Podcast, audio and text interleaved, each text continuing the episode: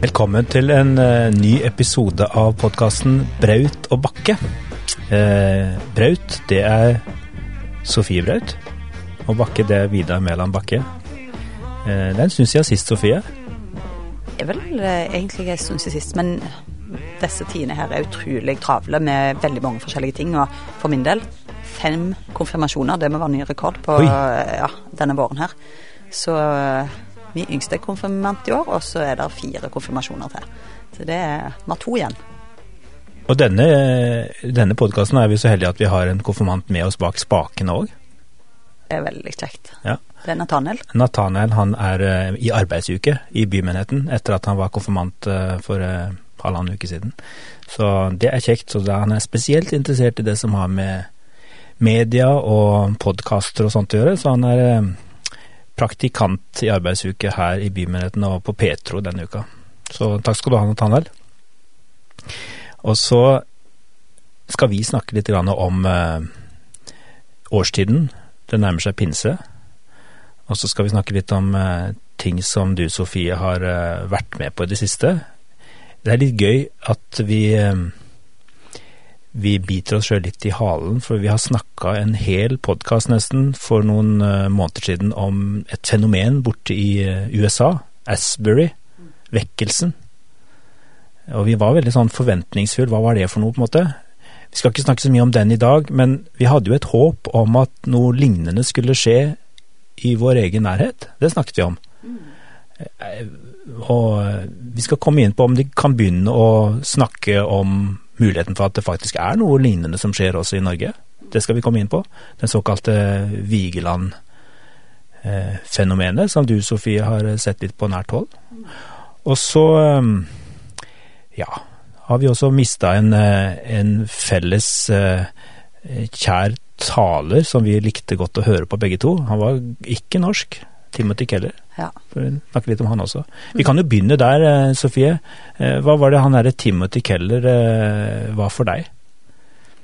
Keller tror jeg først og fremst Han, han har jo hatt en enorm produksjon bak seg og, og har jo vært, hatt et utrolig sånn aktivt og virksomt liv sammen med kona si Kathy Keller, som òg jo har vært De har jo på en måte vært et radarpar og i amerikansk evangelikal kristendom, men han har jo representert noe helt spesielt Eh, og for meg så tror jeg det, det å, å, lytte til talene hans har vært enorme Altså det har vært det viktigste. Jeg har lytta mye mer til Tim Keller enn jeg har, har lest han. Og han, eh, han har eh, eh, Ja, flere av talene har gjort et veldig sterkt inntrykk på meg, og de har eh, uten at en egentlig klarer å legge seg på samme linje sjøl, iallfall vært en enorm inspirasjon da, i, i, hvordan en kan formidle evangeliet på en hva skal man si da, kulturelt oppdatert måte uten å faller for fristelsen til å liksom bli relevant i en sånn betydning der en eh, på en måte underkjenner betydningen av Guds ord sin autoritet. Eh, så, så for meg er han eh, en viktig person, da. Mm. Da må vi kanskje hjelpe lytterne som aldri har hørt om Tim Keller, for det er det sikkert en god del av òg. Han var 72 år da han nå døde, og startet en menighet i New York på 80-tallet. Eh, og da hadde han vært presbyteriansk pastor i eh, mer på en måte provinsen i USA, i mindre byer, i en del år. Og så tok han utfordringen som kom om å plante en ny menighet i New York, i en by som var i ferd med å dø ut, i hvert fall for den presbyterianske kirke, og sikkert for mange andre kirkesamfunn òg. De hadde nesten gitt opp det å ha menigheter i i den typen storby. Og så var det vel han og noen andre som sa at jo, men kan, det er jo noen som må bo i New York, i den ganske gjennomsekulariserte, urbane, intellektuelle, fashionpregede byen med store kontraster. Og så satte de fokus da på egentlig ikke Eller de satte fokus på en bestemt gruppe, studenter og akademikere, tenkende, skeptikere, på en måte. De tenkte at vi skal lage en menighet som er spesielt retta i sitt budskap til disse. Da kan man jo liksom tenke ok, hva kommer nå? Men jeg tror det er miksen av det veldig tydelige fokuset på å ta eh, tenkende unge mennesker på alvor sin eh, som baler med alle disse vanskelige tingene i en kristen tro. Og samtidig så opplevde vel jeg og andre at han hadde en genuin evne til å, til å ta Bibelen på alvor. Altså han hadde en veldig sånn ubøyelig tillit til Bibelen. Som eh, er relevant og for livstolkning i vår tid, og ikke bare Nytestamentet, men han, han tok den for seg alle tekster i Bibelen kunne han hente Kristus ut av, opplevde jeg.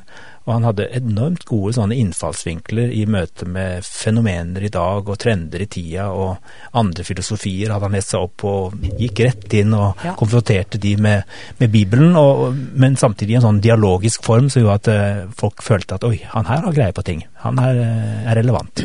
Jeg tror virkelig han tok, uh, tok folk på alvor òg i den forstand at han las det. Jeg så en, en som skrev et minneroman i New York Times, skrev om, om hvordan Tim Keller opplevde som relevant, fordi han las det folk ute i samfunnet holdt på seg las, eh, og at han, han, hadde de referansene som det han skulle tale til, hadde. Og det, det er nok noe som gjør at han, han, står ut for mengden med predikanter som kan virke som de bare snakker til sin på en måte indre, til en indre krets, da. Eh, men, men, jeg tenker jo noe av, av frukten av, av, livet og tjenesten til Tim Keller òg handler om The Gospel Coalition, som eh, var noe han grunnla eh, i lag med Don Carson og, og John Piper. Og, det står jo som en bauta for, for eh, en ressursleverandør for alle som er interessert i eh, på en måte ja, fast føde da, når det gjelder bibelsk eh, materiell og, og, utlegging av nærmest alle mulige slags temaer, med en veldig sånn grundig teologisk forankring. Og det vil jeg kalle kons virkelig konservativ forankring. For meg er det jo veldig interessant at han òg representerer sånn eh, tjenestedelingssyn, som jo i Norge vekker en ekstremt eh, hissig debatt, ja. men som og, og, mye av det samme skjer i USA òg. Eh, det blir debatt der òg, men det er interessant at han kan stå der og, og oppleve en enorm vekst i Redeemer, som jo det menigheten i, i New York eh, het med den type konservativ teologi, da. For meg som konservativ er det enormt interessant. Mm. Og da har jo jeg kommentert at det er en av de sidene som jeg kanskje kunne kjenne at jeg var uenig med han i, og samtidig så opplevde jeg at han var så sentralt evangelisk at uh, jeg har inntrykk av at folk fra veldig forskjellige kirkelige bakgrunner, tross alt med en bibelkonservativ holdning til Bibelen som sådan, opplevde at han var veldig god å høre på, og vi lærte mye av han.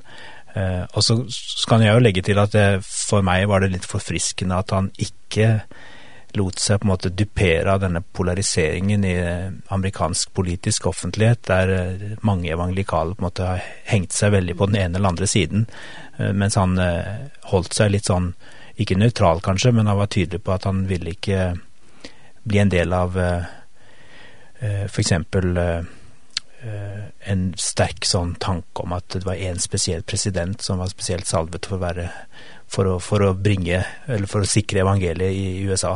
Ja. Og det kan vel, Med norske øyne så er jo det kanskje litt, eh, var jo det litt betryggende, for vi vet at der tenker mange av våre venner i USA annerledes, men eh, det er vel ikke så veldig uvanlig at selv konservative kristne i Norge syns at det, det har gått litt langt med med heiingen på Trump, da. Men, ja, det, eh, det, tror jeg virkelig Tim Keller hadde et forfriskende perspektiv, og en, en god måte. Når han taler også om kristendom og politikk, så har han eh, en fantastisk god eh, innfallsvinkel til det. Og, og snakker jo noe om at en skal være opptatt av politikk, men at Jesus på mange måter modellerer det og, og, seg de der kategoriene som vi så lett har for å hamre inn og meisle ut, altså. Så, så det, der syns jeg òg Tim Keller var et, et forbilde. Men det er ikke til å stikke under en stol at han ble nok beskyldt, sikkert òg pga. at han nektet å ta side i, i den her veldig sånn at alt ble definert for eller mot Trump.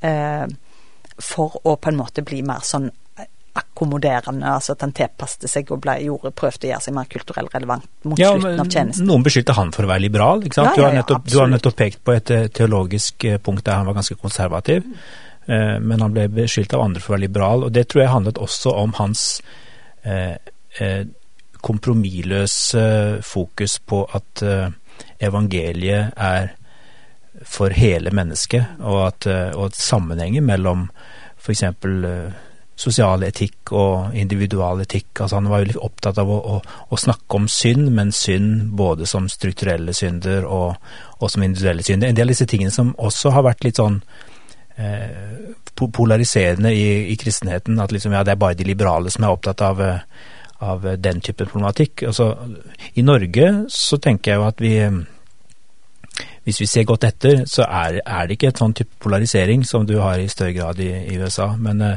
men, da kan vi også si at han sto jo på mange måter i tradisjonen etter Lausanne, eh, som var jo da denne med John Stott og disse. Eh, en evangelikal eh, teologi som ikke leflet så veldig mye med aktuell partipolitikk, men som var veldig opptatt av eh, kristendommens politiske dimensjon, som handlet om å kjempe for rettferdighet i verden, og, og har vært opptatt av, av uh, det hele mennesket. At evangeliet, at frelsen må få konsekvenser, ikke bare for for sjelslivet, men også for samfunnsliv og, Absolutt. og, og vår livsstil. Nettopp, og jeg tror i den sammenhengen så er det helt rett. Lars Dale er jo en veldig begeistra eh, hva skal jeg si, tilhenger av Tim Keller og, og arven etter Tim Keller. Og det er klart, eh, i minneordet så skrev jo han òg om, om, eh, Tim Keller som brubygger i denne sammenhengen.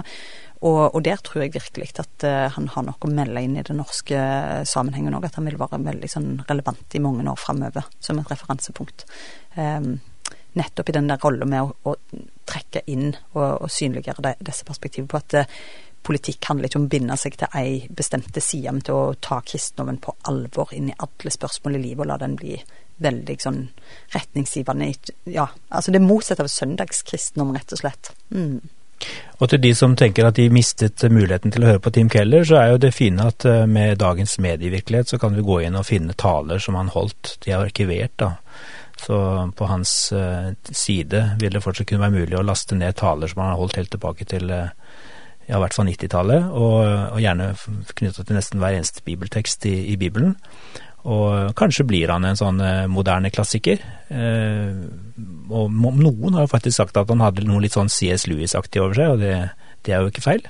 Absolutt ikke. Og, og, som sagt, Gospel in Life, der uh, hans er arkivert, det er et utrolig rikholdig skattkammer uh, med, med, massevis av, av, gode taler. Så det anbefales. Og den linken til CS Lewis vil han være veldig stolt over å ha blitt nevnt mange ganger, og jeg tror det er helt uh, relevant. Mm. Vi, skal, vi, skal, over på Vigeland og pinse.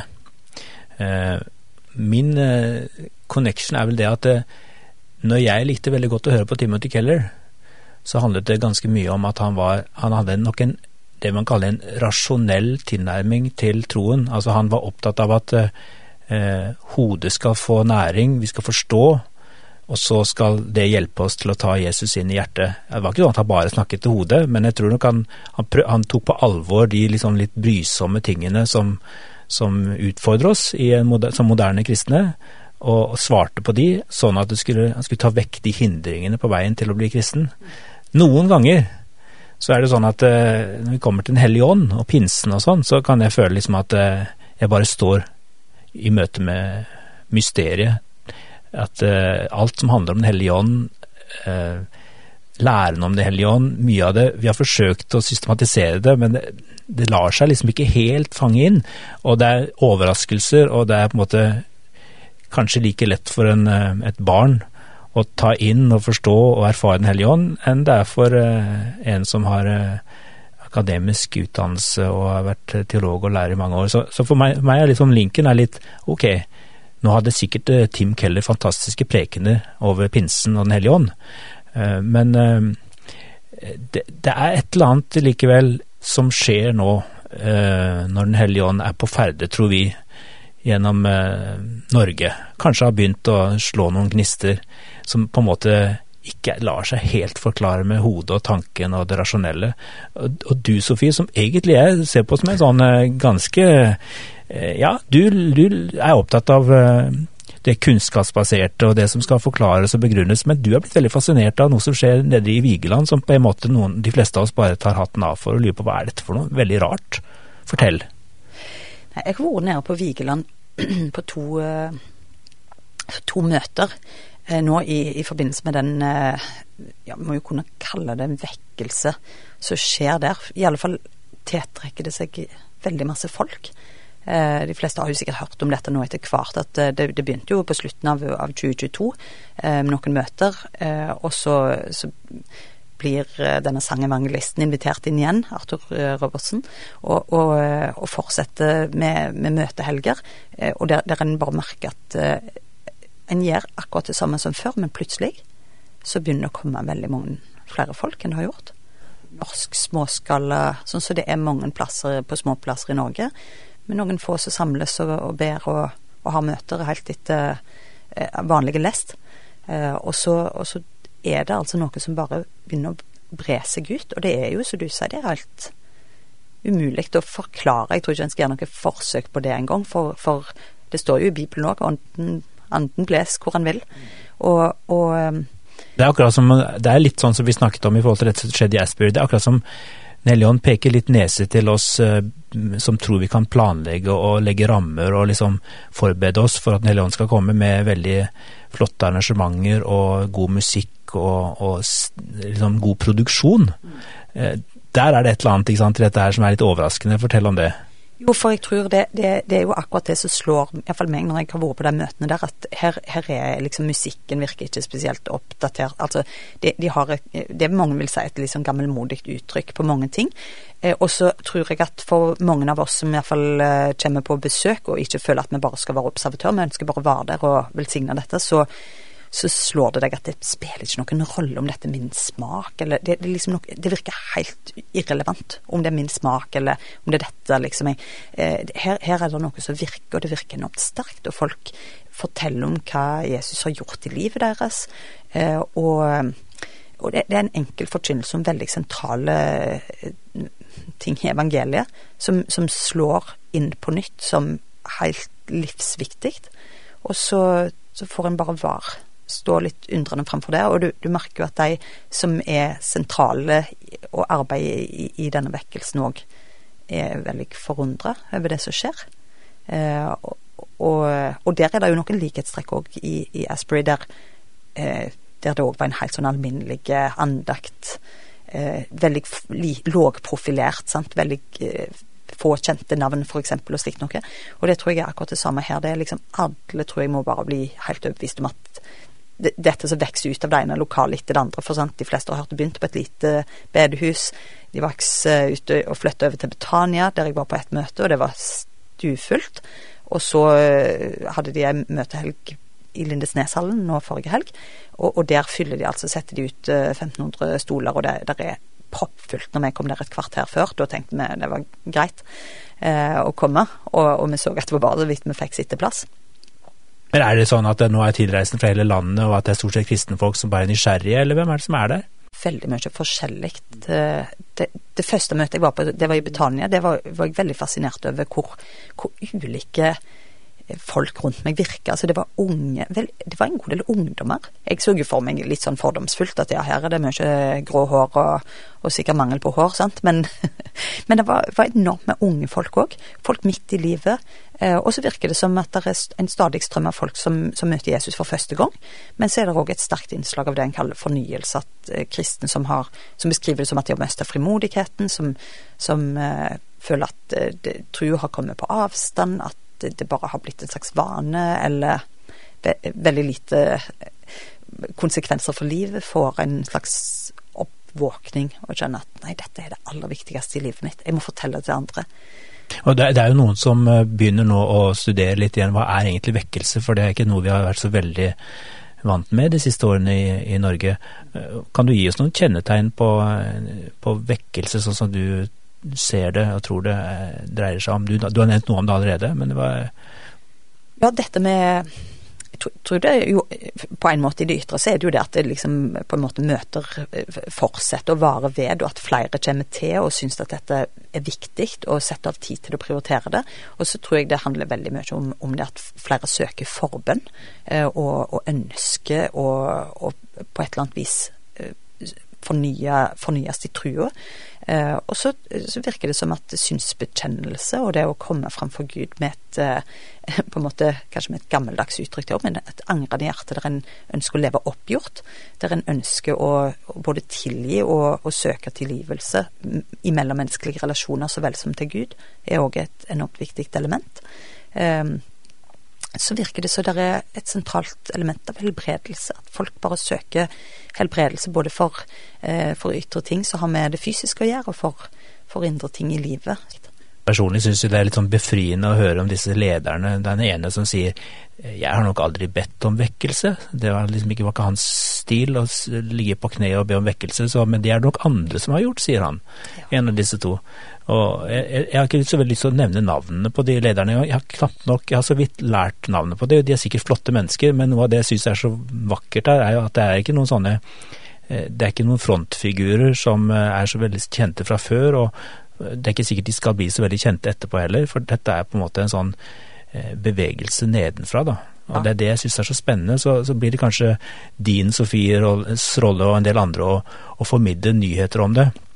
Men det er ikke nødvendigvis eh, de store kristenprofilene som, eh, som, skal, som skal stå i bresjen her. Det er tydelig her ønsker kanskje Den hellige ånd å minne oss om at det, er han som er viktig, og Jesus som skal, skal være synlig. Og jeg tror kanskje spesielt for en sånn tid som dette òg, vi tenkte på det etter Asbury òg, altså med vekkelsen der, at det, at det, er jo et veldig sånn synlighetssamfunn. Det, er veldig mange, det gjelder om å ha følgere, ikke sant. Sosiale medier, sosiale medier eh, Logikken er jo det du må Du skal liksom ha følgere. Og her òg er det jo følgere, men poenget er at det ikke er et menneske, men, men eh, Den hellige ånd, eller den trenige Gud, som er eh, den som setter retningen. Og da da, da, tror jeg kanskje den, den, Akkurat så jeg tenker at disse vekkelsene her har noe til felles med at det ikke er en sånn store skikkelse som alle refererer til, men, men at det er forankra på en annen måte, og noe som vi må bare møte med undring og takknemlighet og, ja, og forventning. Jeg tror de er veldig opptatt av det på Vigeland, at, at, dette skal spre seg. At du liksom ikke skal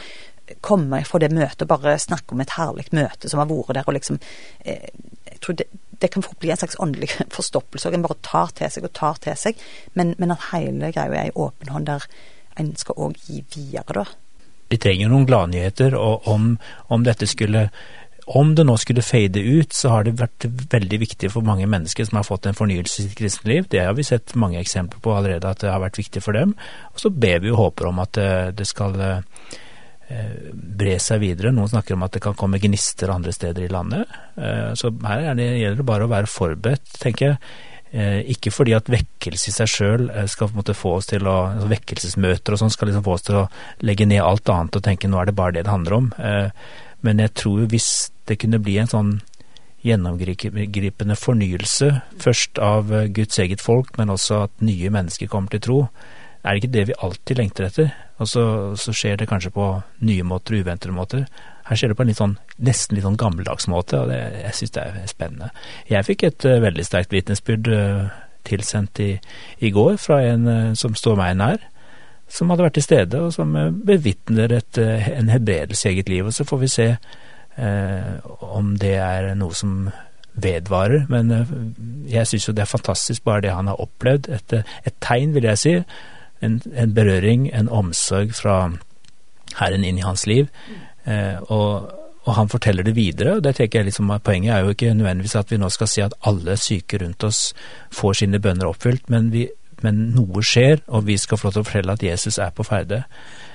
Og Det er noen sånne håpstegn som jeg tror, eh, ja. jeg tror vi, vi, har behov for i ei tid der det er mange ting som skjer samtidig, men, men vi er et håpsfolk, da. Det det. Og det å bre ut det håpet, liksom, det, det er noe nydelig med det, altså. Da er vi inne i denne uka før pinse, eh, og det skjedde jo merkelige ting på pinsedag i Jerusalem. Jeg har sett litt på den teksten denne uka med tanke på at jeg skal preke på søndag.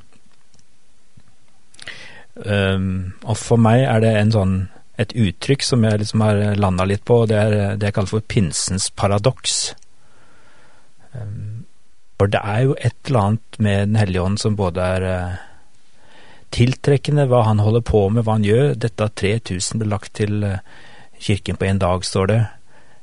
Eh, at det, ild, som, det, Hva heter det? De fikk ildtunge på hodet. Og talte språk så alle kunne forstå. Det var jo ekstreme tegn de opplevde der og da. Og så har jeg lurt litt på hva det er for noe. Og paradokset for meg, det er jo det at på den ene siden så virker det som Den hellige ånd er et tegn på at nå skulle alle mennesker få tilgang til evangeliet. Det skulle være mulig for alle slags mennesker, fra alle slags folk og bakgrunner og kulturer, eh, å bli berørt og ta imot Den hellige ånd. Eh, der det tidligere kanskje var for det første eksklusivt for det jødiske folk, men også at eh, det å for eksempel få ord fra Gud og oppleve at Gud taler direkte til deg, det var eksklusivt for noen relativt få profeter i Det gamle testamentet, mens eh, Joel-profetien, som Peter refererer til på pinsedag, den, eh, den, eh, sa at både unge og gamle skulle profetere, at Helligånd skulle uttydes for alle mennesker. Og det er jo kanskje det, det jeg kaller det, med et litt sånn flåsete ord, så kaller jeg at Helligånd er på en måte litt sånn demokratisk, eller at alle skal med. Alle skal inkluderes. Ikke det at alle skulle begynne å tro, men det skulle være tilgjengelig for alle. Og så kommer paradokset at det er aldri så mye når vi kommer til Den hellige ånd, så er det også noe som er litt sånn hemmelig og nesten sånn esoterisk, eh, fremmed, fordi folk beskriver erfaringer og episoder og ting som ikke vi alle sammen har kjent på. Og det er forskjellige gaver, det er forskjellige manifestasjoner. Det er mye rart som skjer liksom der Den hellige ånd farer fram, som også kan virke litt ekskluderende, syns jeg. Selv for meg som er kristen, og som har vært kristen hele livet, så kan jeg kjenne litt på at, at ofte når vi snakker om Den hellige ånds gjerninger, så kan jeg kjenne er, Å ja, sier du det, ja? Ja, det, det er nok ikke jeg innviet i. Mm. Det er paradokset for meg. Har du tenkt på noe av det samme, og hva er din refleksjon rundt det, Sofie? Det er jo kjempeinteressant, og det er klart at jeg steilte jo litt med det der det demokratiske begrepet, for jeg, jeg syns jo liksom eh, litt av, av, det med Den hellige ånds på en måte Noen kaller det jo Den hemmelige ånd, eh, og det, det, er sikkert gode grunner for det. Eh, men, men ja, tilgjengelighet, og samtidig er det alltid, liksom som en rød tråd i Bibelen, en dynamikk. Um, han har fortrolig samfunn med de som frykter han, står det jo. Eh, og, og, så er det noe veldig konkret òg med det. Så f.eks. Når, når Paulus i Galaterbrevet beskriver åndens frykt. Det, det, er ting vi kjenner. kjærlighet, glede, fred, overbærenhet, vennlighet, godhet, tru, trufasthet, tålsomhet, selvbeherskelse. Det er jo ting som på en måte òg er veldig sånn ja, det, det er ting de fleste av oss regner for, for gode verdier eller gode, gode ting da, som vi kan se etter, som vi på en måte kan, kan dyrke, og som vi kan legge altså Paulus sier jo også en annen plass legg, legg vind på det, det som er sant, det som er rett, det er verdt å akte og elske. Så, så det er noe sånn på en måte i det ene at ånden blåser hvor han vil, men det er allikevel ikke sånn, sånn tilfeldig heller. Vi kan liksom velge hva vi måtte investere livet vårt i, hva vi vektlegger livet, hva vi velger å velge vekk. Men det er kanskje litt feil å tenke sånn, for da høres det nesten ut som vi kan bare liksom dyrke det fram sjøl. Vi skal jo unngå sånn gjerningskristendom, har vi jo hørt. Men jeg tror kanskje akkurat den brodden mot gjerningskristendom har ført til en slags sånn apati som gjerne gjør at vi ser vekk ifra den der dynamikken som er med Den hellige ånd, som leser hvor han vil, og vårt på en måte strev for å legge til rette for eh, Den hellige ånds arbeid, da med noe av det som Paulus eh, beskriver, f.eks. Med, med åndens frukt, hva vi skal se etter og, og vektlegge og slikt noe. Men jeg vet ikke, er det for sånn, eh, er det sånn gjernings... Eh... Nei, jeg, jeg, bare, jeg, jeg, tror jo at det, jeg tror ikke det er Den hellige ånd som er problemet, selvfølgelig. Det er sjelden det. Det er vel snarere det, vår, vår tolkning av han, og jeg tenker at det er jo ikke det er ikke sikkert alt det som opp gjennom historien er man i øyeblikket har beskrevet som Den hellige ånd har vist seg å være det. At, at, og kanskje det som er litt sånn overrasker oss litt i en, eh, en ganske sekulær virkelighet, at vi, vi er ikke vant til at uh, det skjer overnaturlige ting, men vi må venne oss til tanken på at det uh, overnaturlige har alltid vært der. og når det overnaturlige ting skjer, så er, kan det ofte være noe godt, og det kan være fra Den hellige ånd, og det kan ha med Jesus å gjøre.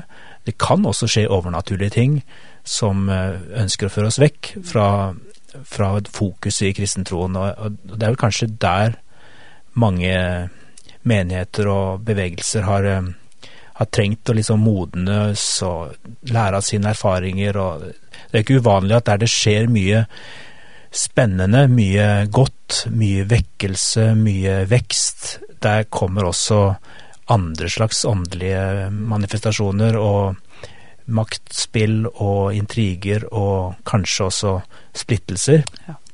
Det tenker jeg, Noen ganger så er det Den hellige ånd som faktisk skjærer gjennom og sier eh, fornyelsen den må være sånn, og det vil føre til en avskalling. Jeg sier ikke noe på det. Andre ganger så tenker jeg at Den hellige at det også kan være menneskelig, menneskelig skrøpelighet som, eh, mm. som blir et offer for eh, den typen åndelighet da, eh, som kanskje kan splitte mer enn det kan samle. Så Det er vel litt den der spenningen tror jeg vi lever med. Ja. Du beskrev jo noe for meg når du var på Vigeland, for å ta det igjen, der, eller i den, det stykket du skrev i dagen, om en sånn en opplevelse av enhet. Og det er jo en frukt av Den hellige ånd. Hvis det faktisk er sånn at du kjenner at her kommer det mennesker fra veldig forskjellige sammenhenger, og du, du beskrev ganske sånn sterkt denne opplevelsen av at eh, du nesten fikk lyst til å gå bort og gi en klem til mennesker du ikke kjente. ikke sant? Eh, det opplever jeg, tenker jeg, noen, noen genuine, flotte erfaringer som veldig gjerne kan være Den hellige ånds frukt av Den hellige ånd. Ja, jeg tror sånn enhetstenkning men, men, men, jeg vet ikke hva du tenker om det. det for, for, jeg tenker jo ofte at det som står som en motsats til Den hellige ånds på en måte stille arbeid, er på en måte vår eh, Av og til kanskje vår frykt eller vårt behov for kontroll. Eh, og at en kanskje òg eh, altså I Norge har vi noen som heter pinsevenner, og, og velsigna pinsevenner. Men, men, kan det òg være at en har sånne eh, på en måte eh, si, kirkesamfunn som har det som et e, eget brand, nærmest, gjør at andre på en måte ja, Andre òg er jo pinsevenner. En er jo venn av pinsen og venn av Den hellige ånd, men at det på en måte blir litt sånn eh, definisjon, eller markør, eller som gjør at en eh, stiller seg litt på utsida og bare sier ja, men det, det er ikke helt oss å være sånn. Og dermed jeg, jeg, vet ikke helt. Jeg tror du treffer spikeren på hodet, fordi at eh, selv om jeg er veldig glad i det pinsevennene står for, og sjøl tenker at vi har veldig mye å lære av dem, så har vel kanskje det at noen tar på en måte eierskap til en høytid, det er jo ikke det de har gjort, men kanskje det er blitt mm. opplevd sånn, så kan det ha blitt en slags polarisering også av hva Den hellige ånd er for noe og, og, virker. Mens jeg tenker vi trenger, vi trenger å snakke om mangfoldet av Den hellige ånds virkninger iblant oss. da. Eh, jeg syns jo for så vidt Luther er god, eller Melankton er vel egentlig bekjennelsen.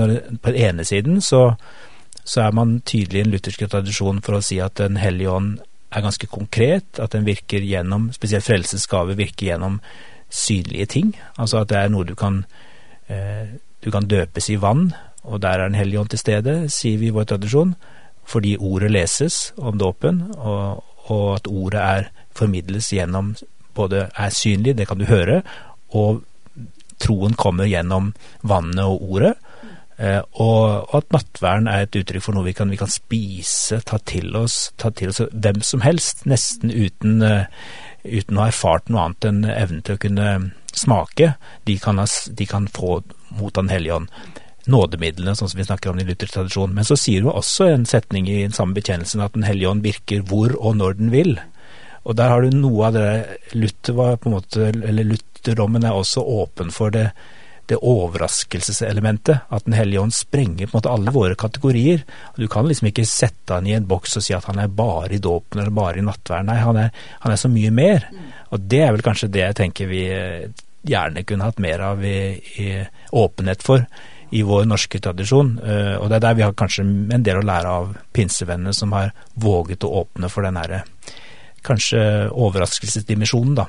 At Den hellige ånd kan dukke opp på uventede måter og uventede steder, og vi lar oss, vi lar oss berøre. Vi, men, det må, men, det må, ha en retning. Det, ikke, det, skal ikke være opplevelsen for sin egen skyld. Eh, at Den hellige ånd leder oss til et, et dypere og nærere forhold til Jesus. Ja, og jeg tror det med en gang at ting, ting peker på oss sjøl, så, så, er det jo på en måte Det, det, det som kjennetegner på Den hellige ånd, er jo nettopp at den gjør Jesus tydeligere for oss, Jesu verk tydeligere for oss, at det, det bringer oss eh, på en måte vekk fra oss sjøl. Og, og, der òg tenker jeg det er et vitnesbyrd for vigelsen Nei, for vekkelsen på, på Vigeland. Eh, at eh, det, det, der med at det, formen plutselig ble veldig ubetydelige, eh, og, og, musikken på en måte ikke, ikke sett noe sånn skille. Eh, det er jo et, et, tydelig tegn på at sånne ytre markører og ting som en henger seg opp, i, iallfall jeg, jeg henger meg ofte opp i musikk og sånne ting, eh, ja, bringe en slags eh, Legge liksom sånne ytre ting litt ned og sier her er det noe viktigere, her er det noe mer sentralt, her, her, her er det en retning inn mot mot Jesus og, mot hans verk, da, som, som gjør meg overbevist om at det er Den hellige ånd er på, på ferde. Her eh, forleden så delte du en eh, tekst som, eh, som er av en som heter Stein Versto, som du var blitt minnet om etter å ha vært på, på Vigeland. En slags salme som ikke jeg var kjent med. Men kan ikke du dele den med oss her på slutten av podkasten? Veldig gjerne. Ei dør slår opp i den stille kveld. Gjennom åpninga aner du skin av eld, og stemmer som vinden ber fram der du trør. Dette er noe du kjenner fra før. Ei hand spiller terning i fakkelskin. En fot trør i dans under ljos mykt lin. Det er her, dine bortglemte søstre og brødre. Dette er noe du kjenner fra før. Glem slitet for glede og frykte for sorg. Det er her alt du trenger. Det er brød i ei korg. Fra et løgndomsfullt bord. I så fast ei borg. Takk skal du ha, Sofie, og god pinse til både deg og til alle våre lyttere. Pinse.